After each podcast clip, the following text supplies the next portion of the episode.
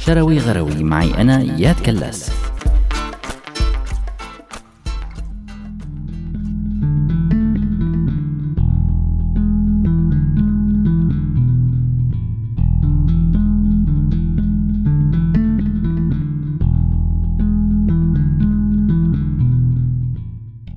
مرحبا بذكر لما كنا بالمدرسة كنا نقرأ كتير بكتاب التربية القومية عن الوطنية والقومية والوطن بس مع هيك ما كنا نقرأ بنفس الكتاب شيء عن حقوق المواطن أو المواطنة رغم أنه وقت كبرنا صرنا نشوف المواضيع بطريقة مختلفة خصوصي بالسنين الأخيرة هالشي خلانا نسأل هل في أي علاقة بين الوطنية والقومية والحريات والمواطنة؟ الحقيقة شغلة كتير معقدة وهذا الشيء مرتبط بكيف بتأثر أنواع القوميات المختلفة بالمواقف السياسية بيقول كتير من المؤرخين والكتاب أن القومية والوطنية كانت من أهم الدوافع للفعل السياسي بالقرن العشرين بمعظم الدراسات اللي طلعنا عليها بهذا الموضوع وبالأخص بأوروبا.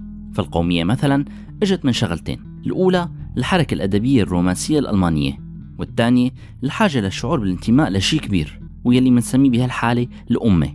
أما الوطنية ظهرت بشكل كتير كبير مع الطليان ومع واحد من أهم المنظرين بهذا المجال ميكافيلي صاحب كتاب الأمير. على الرغم من أنه إلها جذور تاريخية بعيدة من طرف بس كان إلها لاحقا أثر كتير كبير على الفعل السياسي وصولا للحرب العالمية الثانية. بس بوقت لاحق انخلقت أزمة كبيرة بين مفهوم القومية والوطنية ومفاهيم الحريات وحقوق الإنسان.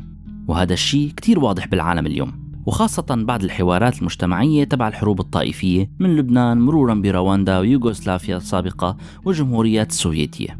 هاي التيارات القومية والوطنية بتخلي الإنسان غامض أخلاقيا. هذا الشيء حسب عدد من الدراسات الحديثة وبتخلي ردود أفعاله ما كتير متوافقة مع الأفكار يلي بتحملها القومية تبعه أو حتى الدين يلي بيتبعه إن كان بيتبع دين. فمثلا منلاقي كثير من الرسائل الإنسانية اللي بتحكي عن التسامح وتقبل الآخر بأديان مختلفة لقوميات معينة لكنها بتختفي تماما لما بيطغي الحس القومي على المفردات الإنسانية والدينية يلي بتصنع هذا الحس القومي. وهذا الشيء بيترك أثر كبير على كل الحريات بالمجتمعات. لا بالأكثر من هيك.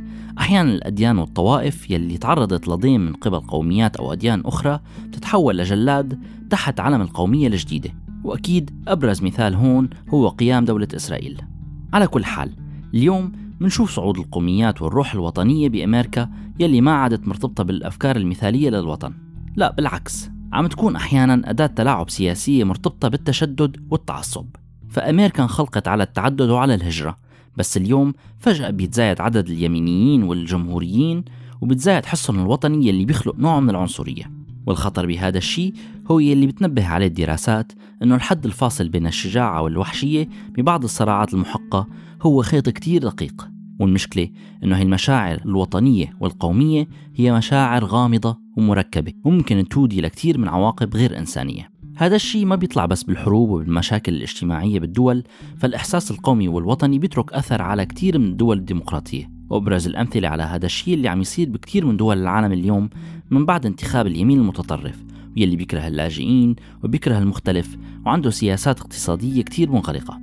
أغرب حالات علاقات الوطنية مع الديمقراطية منشوفها ببريطانيا وبلندن تحديدا يلي وصل لرئاسة البلدية فيها بريطاني من أصول مسلمة بطريقة انتخابية نظيفة ومحقة خلى الناس تقول إنه يا محلى الديمقراطية ليجي لرئاسة الحكومة بمرحلة لاحقة وتقريبا بنفس الطريقة واحد من أكبر المهرجين بالتاريخ السياسي البريطاني بوريس جونسون واللي خلى ناس مختلفين تقول يا محلى الديمقراطية لكن السبب بوصول بوريس جونسون هو اللي بيعزيل الباحثين إنه هي الروح الوطنية والقومية يلي تحولت عن مسارها بشكل سريع لتتحول لعنصرية وتميز عن الآخر. أما نفكر بالموضوع منلاقي إنه اليوم أكثر من قبل كثير من السياسيين عم يحاولوا يستغلوا هذا الإحساس الوطني والقومي ليحولوه لعنصرية وكره للآخر واستفادة بصناديق الاقتراع. الشيء اللي بيخلينا نطرح سؤال على حالنا شو هي الشعرة يلي بتفصل الإحساس الوطني عن العنصرية؟ انتو شو رأيكم؟ كنت معكم أنا إياد بهالفقرة المكركبة شوي من شروي غروي. كونوا بخير.